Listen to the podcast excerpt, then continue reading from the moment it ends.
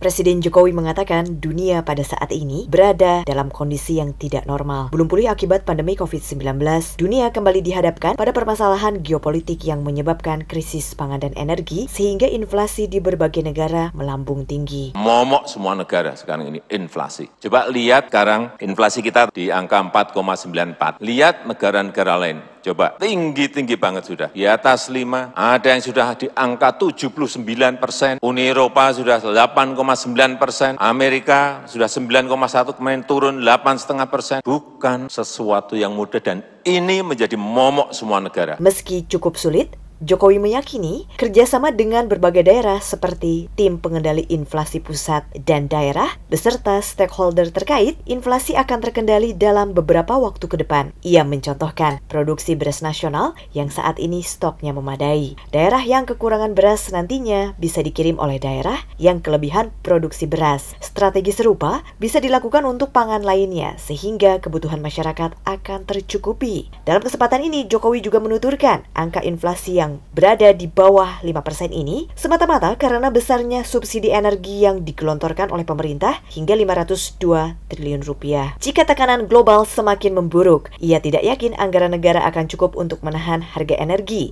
lewat subsidi yang lebih besar lagi ke depannya. Ekonom Core Indonesia, Muhammad Faisal mengatakan, langkah pemerintah untuk menahan harga energi memang sangat dibutuhkan agar inflasi di tanah air tidak melambung tinggi. Apalagi inflasi pada tahun ini kebanyakan dipengaruhi oleh faktor eksternal yang tentunya tidak bisa dikontrol oleh pemerintah. Menurutnya, dari sisi dalam negeri, pemerintah masih bisa mengontrol dengan melakukan peningkatan produksi pangan dan menjaga kelancaran distribusi pangan tersebut ke berbagai daerah. Nah, jadi memang kalau dalam konteks 4 tahun ini, pengendalian harga BBM itu menjadi sangat penting sekali untuk mengendalikan inflasi karena banyak faktor dari global di dalam negeri tadi yang saya sampaikan di awal produksi dan distribusi. Nah, tapi itu dampaknya kecil untuk kondisi tadi untuk tahun ini karena tekanan yang besar itu dari global. Nah, jadi memang menurut saya ini satu langkah yang paling tidak dalam jangka pendek tahun ini harus dilakukan. Lanjutnya, kata Faisal, dari sisi fiskal pemerintah masih bisa menambah jumlah subsidi energi. Hal ini katanya dapat dilakukan karena ada keuntungan akibat melambungnya harga komoditas komoditas dan surplus neraca perdagangan APBN pada tahun ini. Meski begitu, Faisal memperingatkan pemerintah untuk tidak menggelar strategi menahan harga energi dalam jangka panjang karena belum tentu kondisi fiskal pada tahun depan akan cukup sehat untuk merealisasikannya. Dari Jakarta,